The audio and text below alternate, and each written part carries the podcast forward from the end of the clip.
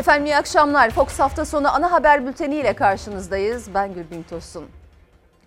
Dünya ve Türkiye'nin koronavirüs salgını ile mücadelesi tüm hızıyla devam ediyor. Türkiye'de ilk vakanın tespit edilmesinin üzerinden 40 gün geçti. Toplam hasta sayısı 82.329'a ulaştı. Kayıplarımızsa 1890 oldu. Hastalığı atlatanların sayısı da hızla yükseliyor. 10.500'ün üzerinde. Ama uzmanlar sürekli olarak evde kalın çağrısı yapmaya devam ediyor. Eğer bu çağrılara uyulursa, uyulursa iyi haberleri almak kısa sürede mümkün olacak. Hocam kolay gelsin. Allah yardımcın olsun. Ekmekçi geldi ekmekçi. Türkiye koronavirüs salgınıyla mücadelesinde 6. haftada bir günde 3783 kişiye daha koronavirüs tanısı kondu. Tespit edilen yeni vakalarla birlikte toplam vaka sayısı 82.329'a yükseldi. 1894'ü yoğun bakımda. Entübe durumda olan yani solunum cihazına bağlı hasta sayısı ise 1054. 24 saat içinde 121 kişi daha koronavirüsten hayatını kaybetti. Bugüne kadar ölenlerin sayısı 1890'a çıktı. Şifa bulan hasta sayımız 10 binin üzerine çıktı. Tedavide önemli üstünlüklerimiz var. Artan test sayımıza rağmen yeni eklenen vaka sayısında düşüş var. İki gücümüz var. Tedbir, tedavi. Gücümüzü kullanalım.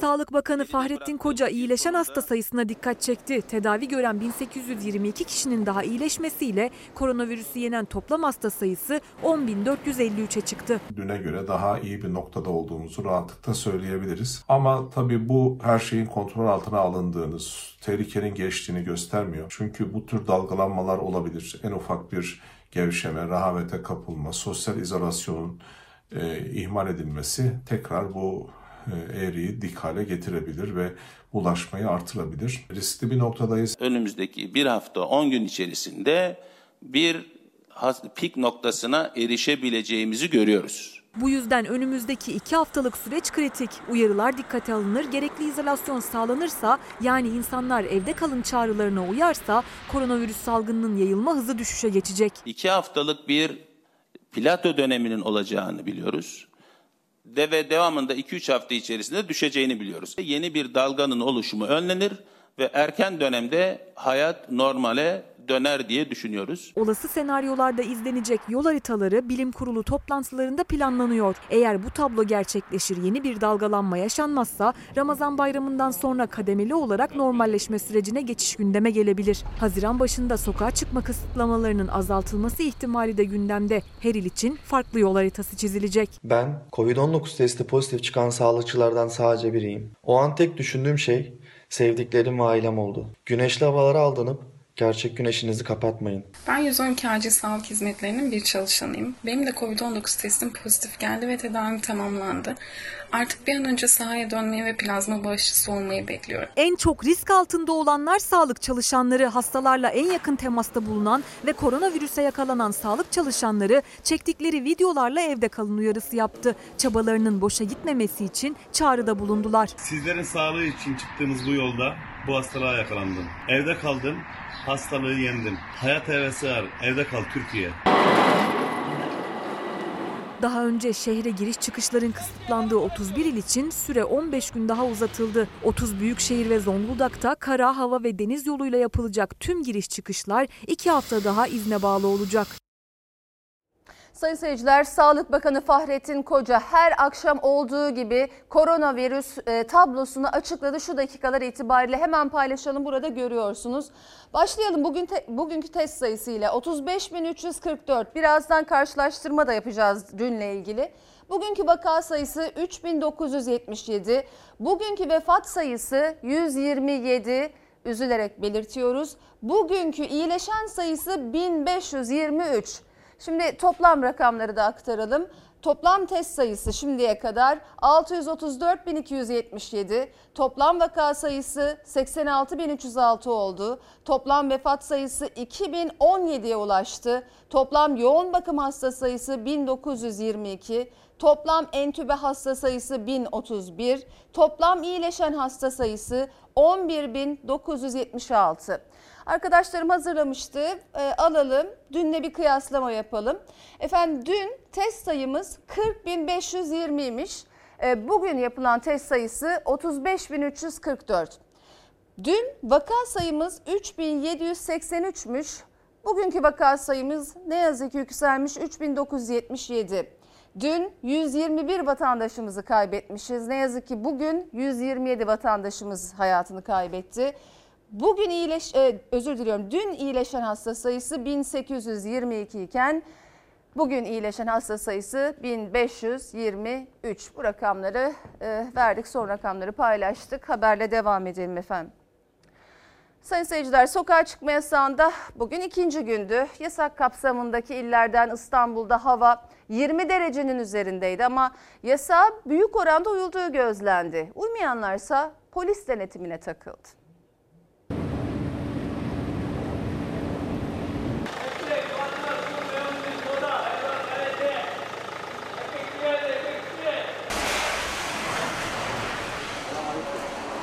Ne yapıyorsun? Onun kardeşi hastanede. He, cips ne alaka? Hastaymış kardeşi de ona yiyecek götürüyor.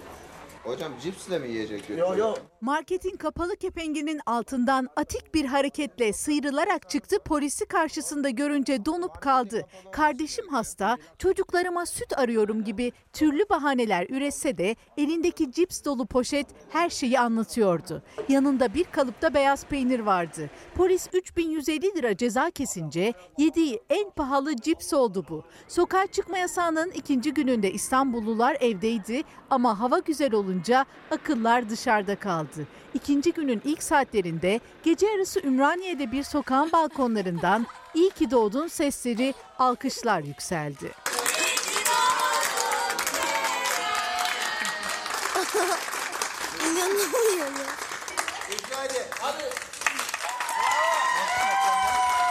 Küçük Kerem bu zor günlerde belki de hiç unutamayacağı bir doğum günü yaşadı. Gün aydınlandığında İstanbul sessizdi. Güzelliği drone kameralarıyla gözler önüne serildi. İstanbul'da hava güzel olunca akla ilk düşen yerlerden biri Galata Köprüsü'ydü. İnsanlar yerine Haliç'in tadını Yunus sürüleri çıkardı. İstanbul'un en güzel gezi noktalarından biri Galata Köprüsü de bomboş. Pazar günü bu saatte balıkçılarla dolu olurdu. Ancak şimdi martılarla köprünün altındaki yunuslara kaldı. Ayrıca İstanbul'da her noktada polis kontrolü devam ediyor. Ne yapıyorsun? Onun kardeşi hastanede.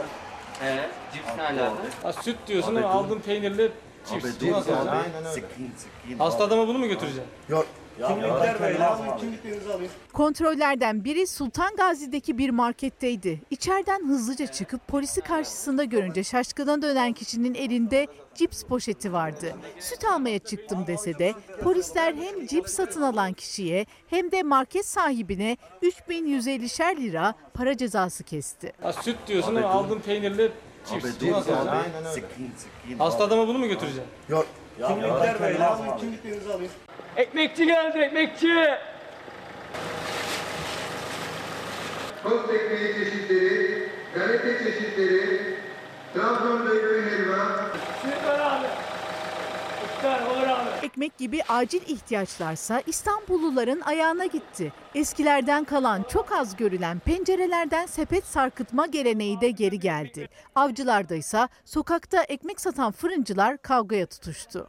Ay tam rezillik, tam bir rezillik. Şuraya bak. Sosyal mesafe de kalmadı kavga sırasında. Sadece ekmek değil gazetelerde kapıya gitti, gören mutlu oldu. Gazete! Gazete diye! Memnun oldum. Dün alamadık. Çok şey yaptım. Çok mutlu oldum. Kapıma kadar geldi.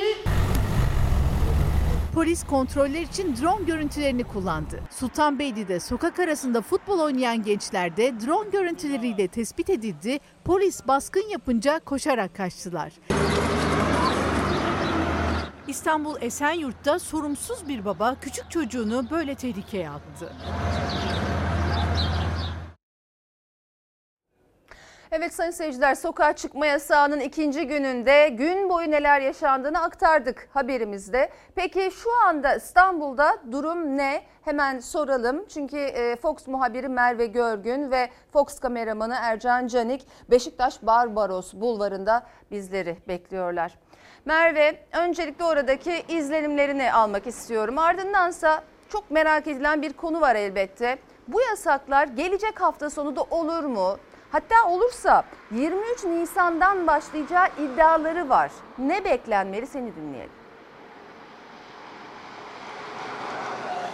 Gülbin Tosun öncelikle ilk sorunuzdan başlayalım. Burası Beşiktaş Barbaros Bulvarı. Ee, olabildiğince sessiz ve sakin durumda sokağa çıkma yasağının etkilerini bu şekilde görebiliyoruz. Hatta normal zamanlarda bu Barbaros Bulvarı'nı, bu yokuşu bu şekilde görmek mümkün değildi. Araçlar bu yoldan dur kalk şeklinde ilerlerdi ki trafik e, noktası trafik konusunda da aslında kilit ve önemli noktalardan biri çünkü hemen sağ tarafımızda e, Anadolu yakasıyla bağlantıyı sağlayan 15 Temmuz Şehitler Köprüsü var. E, genellikle hafta sonları ya da iş çıkışlarında burası fazlasıyla kalabalık araç trafiğine neden olan e, araç trafiği gerçekleşirdi. E, hemen aşağıya doğru baktığımızda yokuşun sonunda Beşiktaş sahili ve Beşiktaş'ın sahil semtlerine bağlanan yollar var. Orası da işte aslında hafta sonları bugün bu saatlerde insanların tercih ettikleri buluşmak için, gezmek için tercih ettikleri dolayısıyla fazlasıyla yoğunluk yaşandığı bir nokta. Diğer sorunuza, sorunuza gelecek olursak.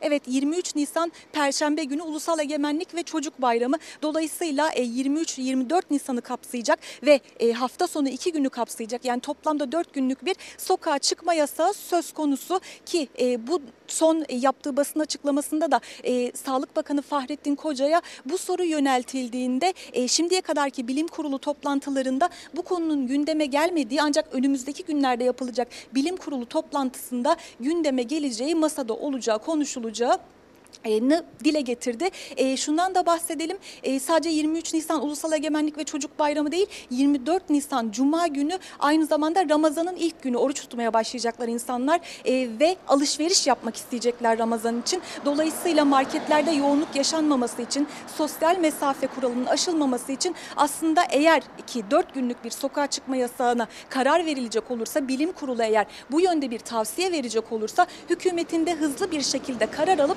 bu kararı açıklaması gerekiyor. Çünkü dediğimiz gibi e, sosyal mesafenin korunması ve alışverişe çıkacakların yoğunluk oluşturmaması açısından önemli. Çünkü sadece 3 gün kaldı bugünü saymazsak.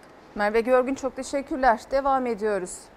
Koronavirüs tedbirleri kapsamında tüm eğlence mekanları bir süreliğine kapatıldı ama akla hayale gelmeyecek yöntemlerle bu yasağı delenler de var.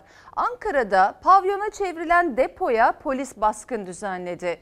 İçeride misket havası eşliğinde eğlenirken yakalanan 14 kişiye toplam 60 bin lira ceza kesildi.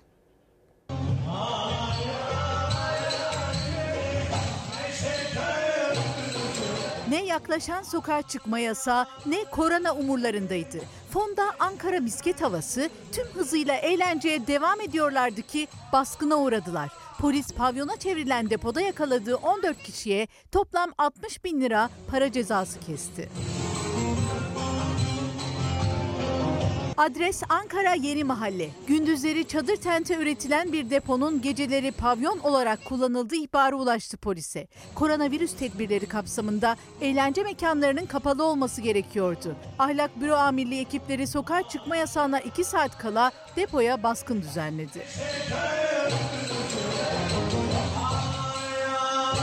İçerideki manzara trajikomikti. Bir köşede ses sistemi kuruluydu. Depodakilerse misket havası eşliğinde vur patlasın, çal oynasın eğleniyordu. Bu görüntüyü de bazıları polis gelmeden önce sosyal medya hesabından paylaşmıştı. Baskın sırasında depoda bulunan 14 kişi koronavirüs tedbirlerine uymayarak toplum sağlığını riske atmaktan toplam 60 bin lira cezaya çarptırıldı. İş yeri sahibi gözaltına alındı. AK Parti iktidarı ile CHP'li belediyeler arasında bağış, yardım tartışmasına son eklenenler ekmek yardımı ve Sahra Hastanesi oldu. Mersin'de belediye ucuz ekmek dağıtmamız engellendi dedi. Valilik itiraz etti, Vefa Sosyal Destek gruplarının yardım yapabileceğini söyledi. Adana'da AK Parti ve CHP'yi Sahra Hastanesi karşı karşıya getirdi. AK Partili Mahir Ünal'ın ise sosyal medyadan paralel yapı benzetmesi CHP'yi öfkelendirdi.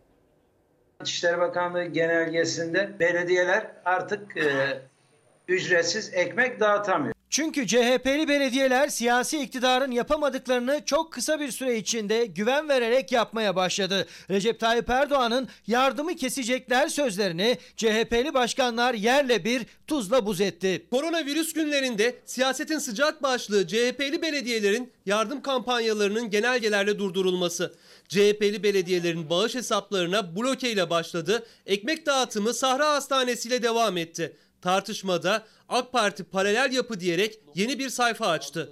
Anadolu'da ayrı bahçe ekmek deyimi vardır. Bunun devletteki karşılığı paralel yapıdır. Devlet bir yönetim ve organizasyon biçimi olarak yüksek koordinasyon içerisinde ve yasalar çerçevesinde çalışır. Mahir Bey, FETÖ'cüleri atayan, devletin içine paralel yapıyı yerleştiren, teslim eden sizlersiniz. Bu paralel yapının başındakileri uzun süre öven de sizlerseniz, hatta bizatihi de sizsiniz. Mesele ekmek dağıtmak değil konuyu saptırmayın. Neden devlet koordinasyonunu reddedip biz de seçilmişiz diyerek ayrı baş çekip valiliklerin başkanlığında oluşan kurullarla çalışmıyor, paralel kurullar oluşturuyorsunuz. Seçilmiş belediye başkanlarımızı bu paralel yapıya benzeterek aralarında bir isim benzerliği kurmaya bile çalışmayı şiddetle reddediyoruz. Haddinizi bilin. İçişleri Bakanlığı yardımların sosyal vefa destek grupları tarafından dağıtılması kararı aldı. Mersin Büyükşehir Belediye Başkanı Vahap Seçer, ücretsiz ekmek dağıtımımız engellendi dedi. Açıklamalar birbirini izledi. Koordinasyon toplantılarında ekmek dağıtımı konusunda ayrı ve özel bir talepleri olmamıştır. Vali yardımcımız da kendilerine ücretsiz ekmek dağıtımının vefat sosyal destek grupları vasıtasıyla yapılabileceğini ifade etmiştir. Bana göre büyükşehir belediyelerinin ekmek dağıtmasının e, engellenmesi anlamına geliyor ve yapamadık biz bugün bunu. Biz bu yardımları asla parti ayrımı olmadan ulaştırıyoruz. Bu durum Erdoğan'ın ezberini bozdu. İşte bu yüzden CHP'li belediyelerin yardım yapmasını engellemeye çalışıyorlar. Getirdikleri yasağın altyapısı yok, açıkça suç işliyorlar. Derhal siyasetten vazgeçerek Türkiye'deki tüm belediyelerle kendi koordinasyonları altında belediyeleri aktif hale getirsinler. Muhalefet tepki gösterirken İçişleri Bakanlığı İstanbul ve Ankara Büyükşehir Belediye Başkanları hakkında soruşturma da başlattı. Ekrem İmamoğlu'na bir zarar veremezsin. O hizmet götüremezse orada bir adam hayatını kaybeder. Ona zarar verirsin vatandaşa. Bu tür inatlaşmalara, bu tür siyasi polemiklere zamanı değil. Ne zaman ki CHP'li belediyeler yoksul vatandaşlarımıza ulaşmaya başladı,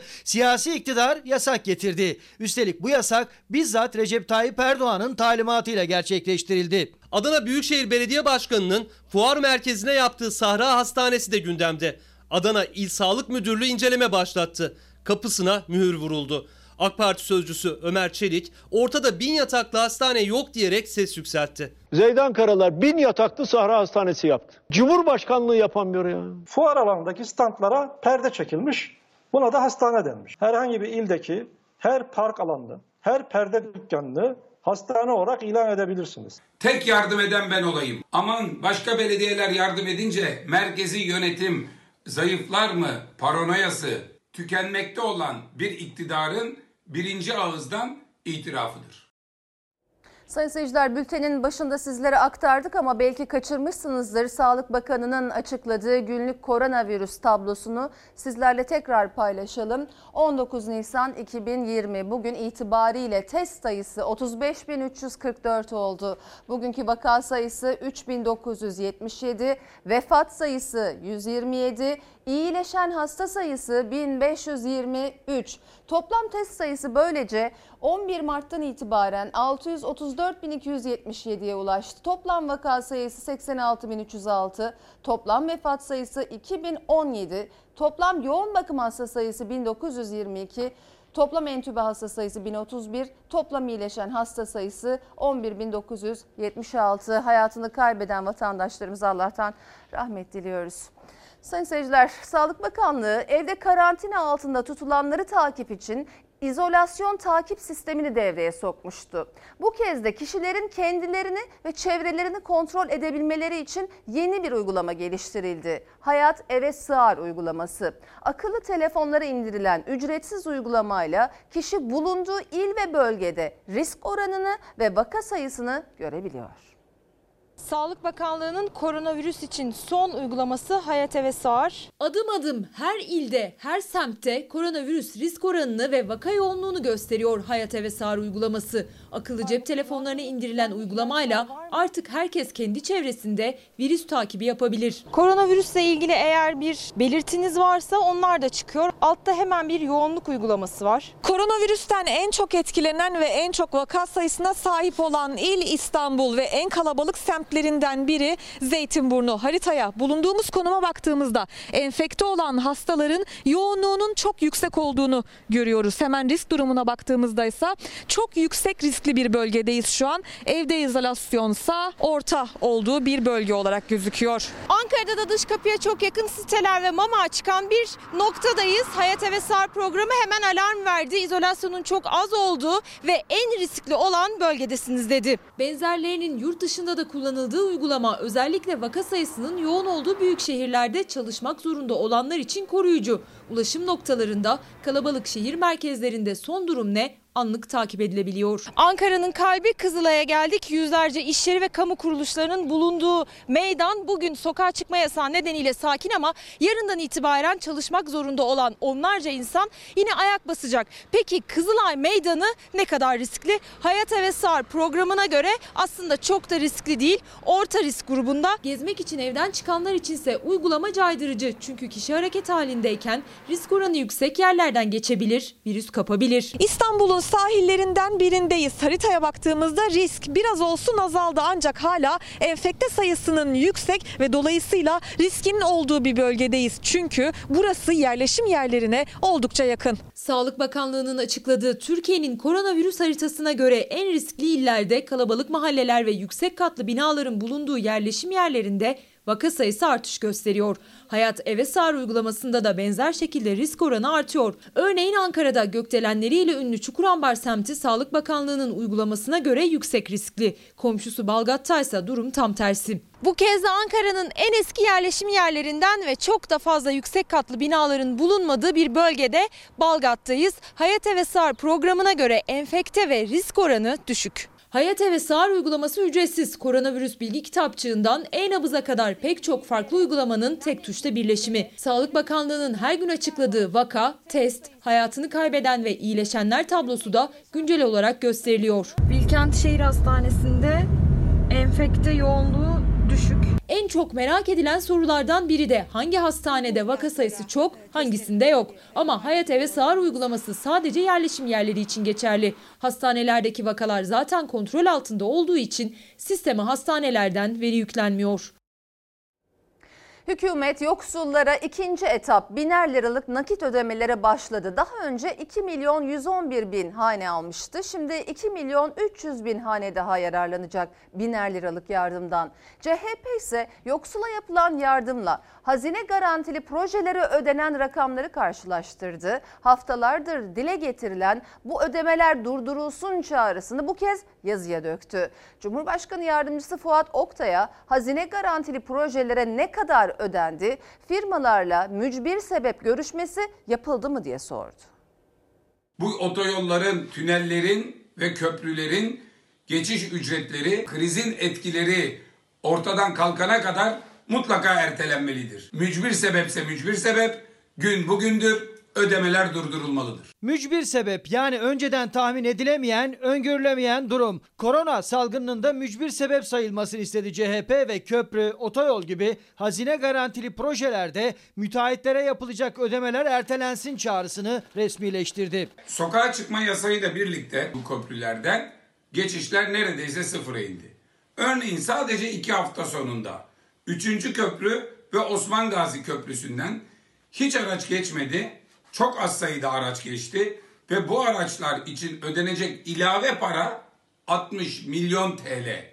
Ve bu garantiler dolar bazında olduğu için bu krizde dolar yükseldikçe devletin ödeyeceği para da yükseliyor. CHP Grup Başkan Vekili Özgür Özel müteahhitlere verilen geçiş garantisi nedeniyle korona salgını sırasında ortaya çıkan yeni bilançoyu sordu Cumhurbaşkanı Yardımcısı Fuat Oktay'a. Müteahhitlere verilen geçiş garantileriyle vatandaşlara yapılan sosyal yardım ödemeleri üzerinden bir kez daha karşı karşıya geldi iktidarla muhalefet. 2 milyon 300 bin haneye daha yardım ulaştırmak üzere hazırlıklara başladık. O büyük müteahhitlerin geçiş garantilerine 36 milyar lira verilirken sadece 2 milyar TL'lik para dağıtabiliyoruz sosyal yardım olarak fakir fukaraya ihtiyaç sahiplerine. Faz 2'de de 2,3 milyon haneye ulaşmayı hedefliyoruz. O müteahhitler 17 yıldır semirdiler. Şimdi biraz bekleyecekler.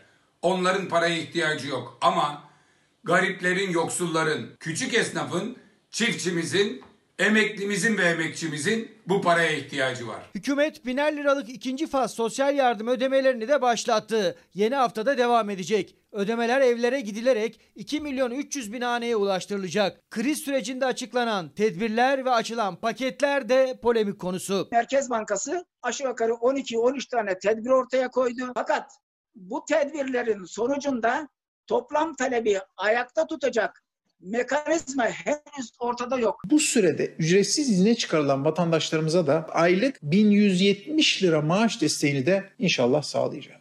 Merkez Bankası parayı bu likiditeyi verebilir. Krediyle ve bir takım devletin alacaklarını ertelemekle halletmeye çalışıyoruz. Halbuki nihai tüketiciyi destekleyecek olan ona yedirmek, içirmek, kirasını ödemek, faturasını ödetebilmeyi sağlayabilecek tedbirleri almak. Kriz yönetiminde kaynak tartışması da devam ediyor. Salgın yüzünden kapanan iş yerlerini kapsayan ekonomi paketinden faydalanamayanlar, faydalanamayan bazı meslek grupları sosyal medyadan sesini duyurmaya çalışıyor.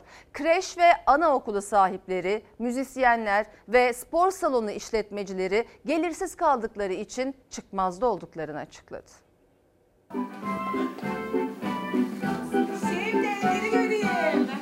Bir anaokulu kolay açılmıyor ve biz sürekli okullarımıza yenilik ve tadilat getiriyoruz. Yeni oyuncaklar alıyoruz, yeni yatırımlar yapıyoruz. Yani bu ciddi, hepimizi ciddi anlamda darboğazı sokuyor. Sadece beni değil, benim gibi olan e, anaokulu olan arkadaşlarımın hepsi aynı durumda.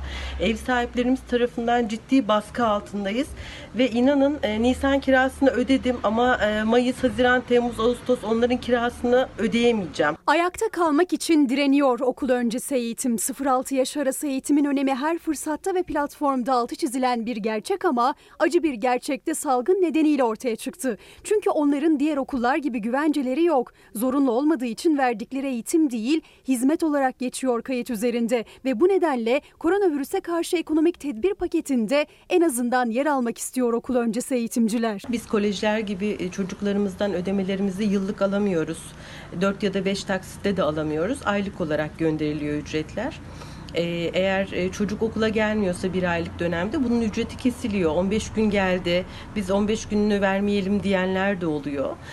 Biz kreşlerin en büyük handikapı bu zaten. Yani hiçbir şekilde bir güvencemiz yok. E, artı faturalar birikmeye başladı. Şimdi doğalgaz faturası gelmiş, elektrik faturası gelmiş.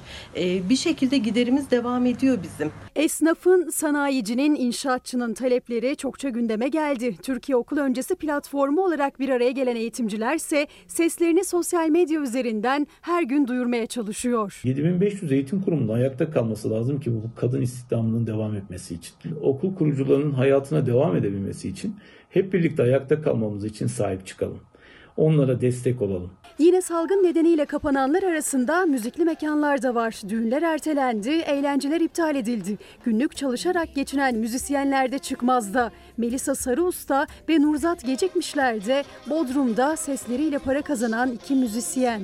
Biz müzisyenler gibi diğer kayıt dışı meslek gruplarının da içine alınıp bir devlet projesi, devlet desteği bekliyoruz. Yardım almak elbette çok güzel, yardımlaşmak çok güzel ama biz de diğer meslek grupları gibi e, biraz daha e, onların yararlandığı sosyal haklardan yararlanmak istiyoruz. Bu konuda mağduruz. Bodrumlu müzisyenlerin sesini Bodrum Belediyesi duydu. Sosyal medya üzerinden canlı konser imkanı vererek biraz olsun geçimlerini sağlamalarına destek oluyor ama yeterli değil. Sosyal medyalardan canlı yayın konserleri düzenliyoruz. İstiyoruz ki e, diğer şehirlerde yaşayan arkadaşlarımız ülkenin geneline bunu sunmak istiyoruz. Duyulsun istiyoruz sesimiz. Platform kurarak sesini duyurmaya çalışan bir başka meslek grubu da spor salonu işletmecileri. Birçok çalışanına maaşını veremeyen işletmeciler de yasal düzenleme talep etti. Yasal bir düzenleme istiyoruz. Mal sahiplerinin insafına kalmak istemiyoruz. Kira destek kredisi e, adı altında bir kredi tanımlanırsa çok güzel olacak. Özel bankaların da e, bu süreçte biraz daha e, elini taşın altına koymalarını istiyoruz. Koronavirüs günlerinde vaktini evde kalarak geçiren oyun tutkunlarını üzecek bir haber var. İthal oyun konsollarına %50 gümrük vergisi getirildi. Vergi uzmanı Ozan Bingöl'e göre bu durumun nedeni bütçedeki kaynak arayışı. Ya, ya kaza yaptım. Hali hazırda zaten e, oyun konsollarında %20 ÖTV, %18 KDV uygulanmaktaydı. 18 Nisan'daki kararla birlikte ayrıca bir de %50 ilave gümrük vergisi alınacaktır. Evde geçen vakti eğlenceli hale getirmenin yollarından biri oyun konsolları. Karantina günlerinde satın almak isteyenler %50 gümrük vergisi ödeyecek. Resmi gazetede yayınlandı. Cumhurbaşkanlığı kararıyla oyun konsollarına ilave gümrük vergisi getirildi. Aslında bu durum e, bütçedeki kaynak arayışının da göstergesi olmaktadır. E, Bu kaynak ihtiyacı galiba yine vatandaştan toplanacak vergilerle karşılanacak gibi görünüyor. Koronavirüs tedbirleri kapsamında evde kalın çağrılarının yapıldığı günlerde önce gazlı içecekler ve bazı tütün mamullerinin vergi oranlarında değişikliğe gidilmişti. Gazlı içeceklerde %25 olan ÖTV %35'e çıkarılmıştı. Günler sonra yeni vergi kararları geldi.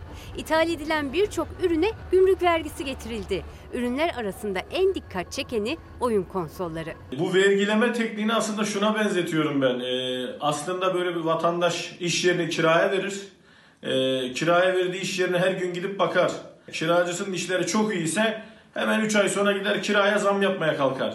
Sorar kiracı neden? Ee, işlerin çok iyi diye. Bizim ülkede de vergi politikaları biraz artık son dönemde ona benzemeye başladı. Yani talebi artan ürün varsa hazır talebi artıyor.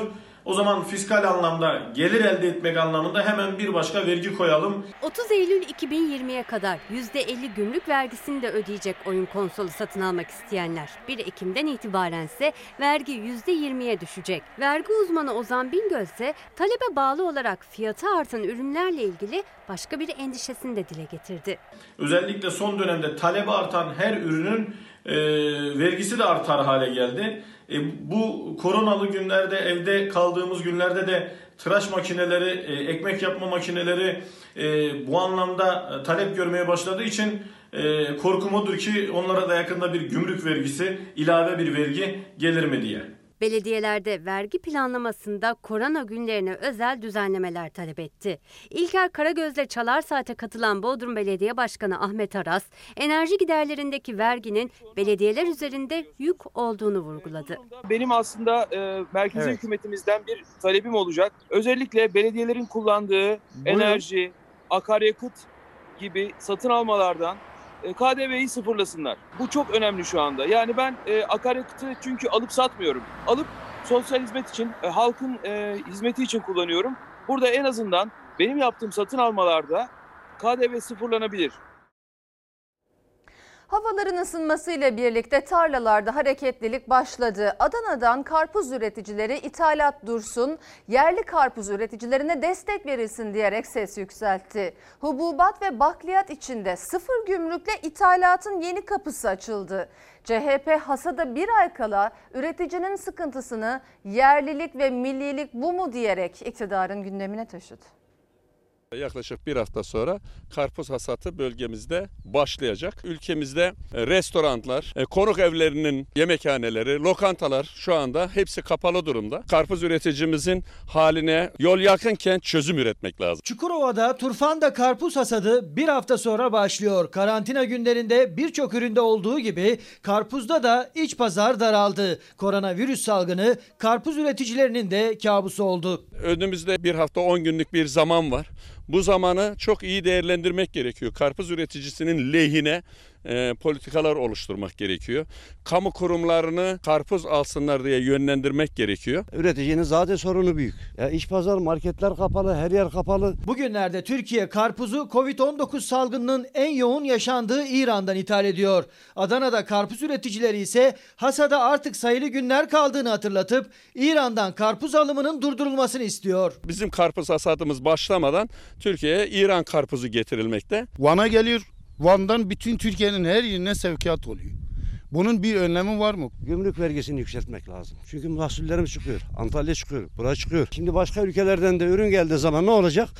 Üreticinin ürünü eline kalacak. Adana'da tarlaları gezen CHP'li vekil Ayhan Barut, karpuz üreticisinin mağdur olmaması için acil tedbir alınmasını istedi. Buğday tarlasından da 17 Nisan'da Cumhurbaşkanı Erdoğan'ın imzasıyla çıkan hububat ve bakliyat ithalatına ilişkin yeni karar değişikliğine dikkat çekti. 1 milyon ton buğday, 700 bin ton arpa, 700 bin ton mısır, 100 bin ton pirinç, toplam 2,5 milyon ton tahıl ürünleri sıfır gümrükle ithalat yapma yetkisi tanındı. 15 Mayıs'ta buğday hasadının başlayacağını söyleyen Barut, iktidara yerlilik ve millilik hatırlatması yaptı, karara sert tepki gösterdi. Yerli ve milliyiz diyenlere soruyorum. Eğer siz yerli ve milliyseniz hasata ramak kalmış 15 Mayıs'tan itibaren hasatı yapılacak. Türk çiftçisine bu kötülüğü yapmazsınız. Yazıktır, günahtır. Bunu şiddetle reddediyoruz. Karpuz tarlaları, hububat tarlaları, üretici hasat tarifesinde seslerinin duyulmasını istiyor. Mega kentin tarım yapan ama artan maliyetler nedeniyle tarlası boş kalan çiftçisine İstanbul Büyükşehir Belediyesi'nden destek geldi. Mayıs ayının ilk iki haftasındaki ekim için tohum, fide, gübre, ilaç hibe edilecek. Ürün için alım garantisi de verilecek. Siz hani malımızı kime satacağız? Nasıl öyle bir derdiniz olmayacak. İnşallah. Aynen onu anlattım. Bu çerçevede çiftçimizin ihtiyaç duyduğu ve en büyük e, maliyetini oluşturan fide, tohum, tarım ilacı, gübre, damla sulama sistemi gibi girdileri kendisine hibe olarak veriyoruz. Çiftçi ithalatla artan maliyetlerin karşısında tarlasına tohumu nasıl atacağını kara kara düşünürken İstanbul Büyükşehir Belediyesi'nden İstanbul'un tarım köylerine müjde geldi. Tohumdan fidesine, gübresine belediye destek olacak. Tarladan sofraya ulaşana kadar da destek çekilmeyecek. İstanbul'un sulanabilir arazisini 3 katına çıkarttık. Gübre, ilaç ihtiyacını biz sağlayacağız. Fiyatları %25 arttı. Gübrenin vesairenin biz sağlayacağız. Alım garantisi vereceğiz. Sulanabilir arazinin artırılmasıyla sonraki aşamayı İsmail Küçükkaya ile Çalar Saat programında açıklamıştı Ekrem İmamoğlu. O aşama tamamlandı. İstanbul'un tarım köyleri için muhtarlarla görüşüldü. Yaklaşık 1500 dekar arazi üzerinde 1 ila 15 Mayıs tarihlerinde fide ve tohumlar toprakla buluşacak. Kentimizin iklimine en adapte olmuş domates, salatalık, biber, patlıcan ve karpuz tohum ve fidelerini çiftçimizle buluşturacağız. Gübre, ilaç ve hatta ziraat mühendisi desteği de alacak İstanbullu çiftçi. İstanbul Büyükşehir Belediyesi Tarım ve Gıda Daire Başkanı Ahmet Atalık tüm bu desteğin hibe olacağını ve çiftçinin ürününün bağlanmayacağını söyledi. Satamazsa eğer devreye girecek yerel yönetim ve yine o ürünler ihtiyacı olanla buluşturulacak. Çiftçimizin girdi maliyetlerini hibe olarak kendisine sunmanın yanında sonuçta elde edilen güvenilir gıdayı da isterse çiftçimiz kendisi e, pazarlayabilir, isterse de belediye olarak hal fiyatları üzerinden kendisinden satın alarak ihtiyaç sahibi olan ailelere ücretsiz olarak dağıtacağız. Muhtarlık ve kooperatifleri kayıt yaptıran çiftçiler için telefon numarası da yayınladı İBB. Sadece çiftçiye değil besiciye de destek yolda. İzmir Tire Kooperatifinden alınan süt dağıtılıyor İstanbul'da. Önümüzdeki süreçte sütün kaynağının da İstanbul olması planlanıyor. Tek temennimiz zaten hayvancılığın ölmemesi, bitmemesi. Artık Çatalca'nın, Silivri'nin süt üreticileri İstanbul'un e, yoksul ailelerin çocuklarına sütü yollayacak. Şu anda dağıtıyor musunuz sütü? Tabii tabii. İyi. tabii 100 bin Evler. aileye. Tabii. 31 şehirde sokağa çıkma yasağı haliyle bazı mahrumiyetlere yol açtı. Çocuklarının doğum gününü kutlamak isteyen ailelerin yardımına ise devlet kurumları ve destek grupları koştu. Kayra varmış burada. Kayra iyi ki doğdun. Doğum günün kutlu olsun. Çok Evet, iyi- e, sağlık çalışanısınız. Yeni atanmışsınız. Hayırlı olsun mesleğiniz, yeni işiniz. Erzurum'a atanan sağlık çalışanı anne, Kahramanmaraş'taki oğluna yapılan doğum günü sürpriziyle gözyaşlarına boğuldu. Korona günlerinde sokağa çıkamayan çocukların yüzünü 23 Nisan Çocuk Bayramı öncesi Vefa Sosyal Destek Grupları, jandarma ve polisler güldürdü. Dilek tut ama, dilek tut. Meryem, mutlu yıllar. Doğum günün kutlu olsun Meryem. Ellerinde hediyeler ve doğum günü pastasıyla kapıları çaldılar. Diyarbakır'da 5 yaşındaki Zeynep, Bolu'da 6 yaşındaki Meryem, Ağrı'nın Doğu Beyazıt ilçesine bağlı Somkaya köyünde yaşayan 11 yaşındaki Sait'in doğum günleriydi. Evden çıkamadıkları için aileleri valilik ve kaymakamlığı arayıp pasta istedi. Vefa Sosyal Destek Grupları da bu kez çocuklar için yollara düştü. Pastel boya getirdim. Ondan sonra bak, yapıyorsun. buraya Kalsın bu, bunu koyalım. resim defteri getirdim. Bunlara resim yapacaksın. Kahramanmaraş'ın 12 Şubat ilçesinde de Kayra Özdemir 7 yaşına bastı. Kayra'nın doğum gününü polisler kutladı. Kısa bir süre önce Erzurum'a atanan sağlık çalışanı anne Zeliha Özdemir, Kayra'nın doğum günü kutlamasına cep telefonuyla görüntülü olarak katıldı. Çok özledim.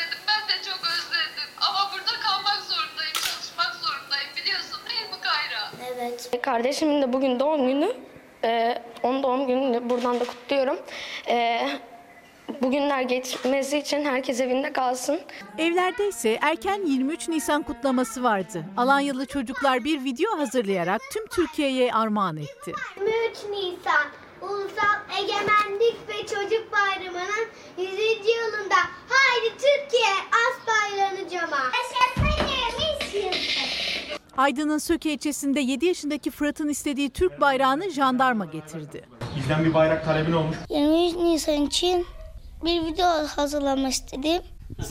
Bayrağımız yoktu. Karaman'ın Ermenek ilçesinde mahalle muhtarı sokağa çıkamayan çocuklara dondurma dağıttı. Merhaba, gelin bakalım. Evde kalın tamam mı? Al kızım benim, gel. Mersin'in Mezitli ilçesinde polis bir sitenin sakinlerine moral konseri verdi. Vatandaşlar müziğin sesine Türk bayraklarıyla eşlik etti. Bugün nerede geçecek? Önemli olan bu süreci sağlıklı ve huzurlu bir şekilde geçirmemiz.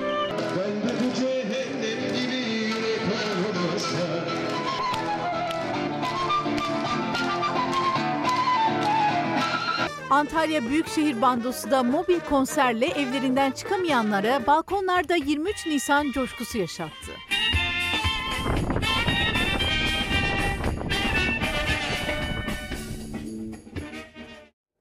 Koronavirüs salgınıyla mücadele Amerika'yı karıştırdı. Salgın nedeniyle dünya genelinde can kayıpları sürerken birçok ülkenin hedefinde de Çin var. Dünya genelinde ölü sayısı 165 bine, vaka sayısı 2,5 milyona yaklaştı. Virüsün yayılmasına neden olmakla suçlanan Çin üzerindeki baskılar arttı. Birçok ülke virüs konusunda Pekin'den açıklama istedi. Avustralya uluslararası soruşturma talep etti. Çin'e en sert çıkış Covid-19 nedeniyle 40 bine yakın kişinin öldüğü Amerika'dan geldi. Salgının başından bu yana Çin yönetimini hedef alan Başkan Trump, Pekin'i gerçek rakamları gizlemekle suçladı. Salgının kaynağı olarak virüsün ilk ortaya çıktığı Wuhan kentindeki laboratuvarı işaret etti. Çin virüsten kasten sorumluysa sonuçlarıyla yüzleşir. Wuhan'daki laboratuvarsa günlerdir süren suçlamalar karşısında sessizliğini bozdu. Kurumun başkan yardımcısı iddiaları yalanladı. Suçlamaları komplo teorisi diye niteledi. Hastalığın her gün binlerce can aldığı Amerika'da Trump'la Demokrat Partili valiler arasında kavga yaşanıyor. Valiler sosyal izolasyon ve kısıtlamaların devamından yana. Başkan Trump ise gündelik hayatın normale dönmesi gerektiğinde ısrarlı. Birçok eyalette karantina karşıtı protestolar düzenlenirken Trump göstericilere sosyal medyadan attığı mesajlarla destek verdi. Avrupa'da en fazla can kaybının yaşandığı ülke İtalya. 23 binin üzerinde kişi Covid-19 nedeniyle öldü. Ölümlerin yaklaşık 12 bini Lombardiya bölgesinde görüldü. Bu rakam aynı bölgede 2. Dünya Savaşı'nda hayatını kaybeden sivillerden tam 5 kat fazla. Karantinanın sürdüğü ülkeden ilginç bir görüntü geldi. Yasaklar nedeniyle tenis oynayamayan iki kadın bu tutkularını evlerin çatısına taşıdı. Karpi kentinde ise salgına karşı birlikte dua ediyoruz etkinliği düzenlendi. Müslüman, Hristiyan ve Yahudi din adamları bir araya geldi, salgına karşı dua etti. İmam Murat Selmi, Kur'an-ı Kerim'den Ali İmran suresini okudu. Avrupa'da İtalya'nın ardından en çok ölüm İspanya'da. Ülke genelinde bir günde 410 kişi daha hayatını kaybetti. Bu salgında son 5 haftanın en düşük artışı oldu. İspanya'da toplam can kaybı ise 20.453'e yükseldi. Bir günde yaşanan ölüm sayılarının düşüş eğilimi göstermesinin ardından hükümetten önemli bir adım geldi. Başbakan Sanchez olağanüstü halin 9 Mayıs'a kadar uzatılacağını ancak kapsamının küçültüleceğini açıkladı. Sanchez ilk etapta çocukların 27 Nisan'dan sonra yanlarında anne babalarıyla kısa mesafelerde ve belirli saatlerde sokağa çıkabileceklerini söyledi.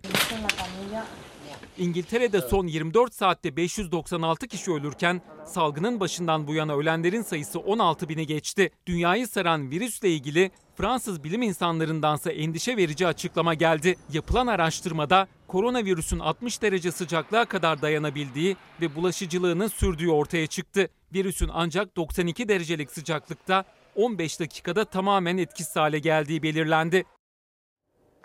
Bir çeşit sinir sistemi hastalığı olan ALS hastalarının koronavirüs salgını günlerinde en büyük sorunu dışarı çıkıp hastaneye gidememeleri. Salgından sonra solunum cihazlarının fiyatının yaklaşık 3 kat artması ve SGK ödeneğinin yetersizliği büyük sıkıntı.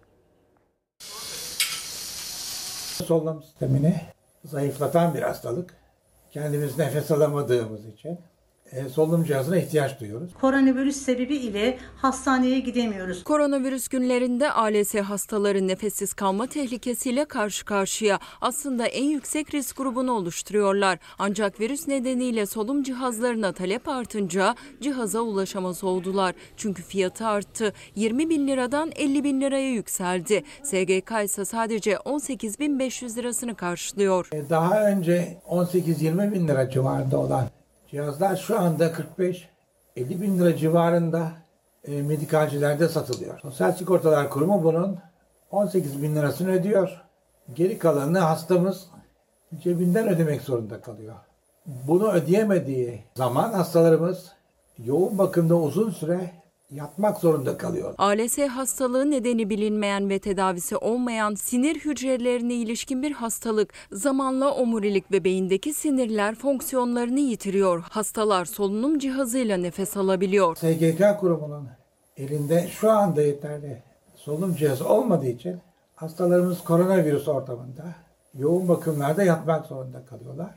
Bu da hem yoğun bakımı işgal etmelerine neden oluyor hem de hastalarımızın daha büyük bir risk içinde hastanede kalmasına neden oluyor. Evinde solunum cihazı kullanamayan hastalar mecburen hastaneye başvuruyor. Bu da hem yoğun bakım ünitelerinde yoğunluğa sebep oluyor hem de risk grubundaki ALS hastalarının virüs riskiyle karşı karşıya kalmasına. Solunum cihazına bağlanma noktasında korona günlerinde yoğun bakımda yatak işgali anlamına geliyor. Özellikle pandemi hastanelerinde yoğun bakım üniteleri var. Bizim hastalarımız ise pandemi hastanelerine başvurmak zorunda kalıyorlar. SGK aracılığıyla ventilatöre yani solunum cihazına ulaşamayan hastaların 50 bin liraya cihazı almaya güçleri yok. Nefessiz kalmamak için Sağlık Bakanlığı'nın bir düzenleme yapmasını bekliyor. Maske dağıtımında zaman zaman sorunlar yaşanırken üretim aşamasından iyi haberler geliyor. Milli Savunma Bakanlığı ve bir petrokimya şirketi de maske seferberliğine katıldı. Bekliyorum mesaj gelecek diye gelmiyor. Başka bir formülü var mı bunu almanın? Formülü yok, başka formülü yok. Siz herhangi Mesaj bir yere Dikim evi müdürlüklerince maske üretiminin haftada toplam 3 milyona, tulum üretiminin 10 bine, makine kimya endüstrisi kurumunca maske üretiminin haftada 7 milyona, tulumun 100 bine çıkartılması planlanmaktadır. Maske dağıtımı sorunlarla devam ederken iyi haber Milli Savunma Bakanlığı'ndan geldi. Maske üretiminde daha yüksek rakamlara kavuşmak için üretim tüm hızıyla devam ediyor. Milyonlarca maske üretiliyor. Maske alabilmek için kod bekleyişi de sürüyor. Maske için geldim ama hani şu an alamadım mesela. Şifreniz gelmiş miydi? Ee, yok gelmedi. Covid-19 salgınının ilk günlerinde önce 1 liralık maskeler fahiş fiyatlara satılmaya başlanmıştı. Devlet el attı maske dağıtımına. Önce PTT dağıtacaktı. PTT'ler yoğunluğu kaldıramayınca eczaneler dağıtsın dendi ama önce E-Devlet'ten başvuru yapılacak, telefonlara kod gelecek, o kodlarla alınacaktı maskeler. Birçok kişi hala kod beklerken eczaneler de yoğunlukta zorlanmaya başladı. Dağıtım sıkıntılı ama üretim hız kazandı. Covid-19 salgını ile mücadele kapsamında bakanlığımızın milli imkan ve kabiliyetleri kullanılarak mevcut kapasiteleri geliştirmek suretiyle çeşitli tipte maske, tulum ve hijyenik malzeme üretimine hız kazandırılmıştır.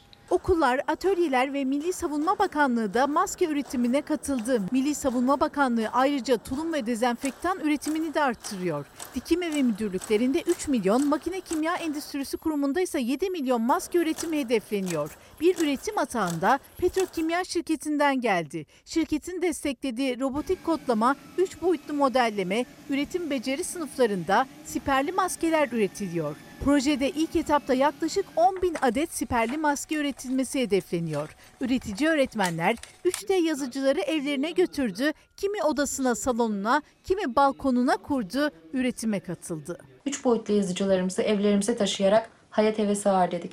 Sağlık çalışanlarımıza destek olmak için eee, çabalıyoruz. Şimdi ara zaman. Efendim Fox hafta sonu ana haber bültenini burada noktalıyoruz. Fox'ta yayın Yaparsın Aşkım'ın yeni bölümüyle devam edecek. İyi bir akşam geçirmenizi diliyoruz. Hoşçakalın. Her köşesi cennetin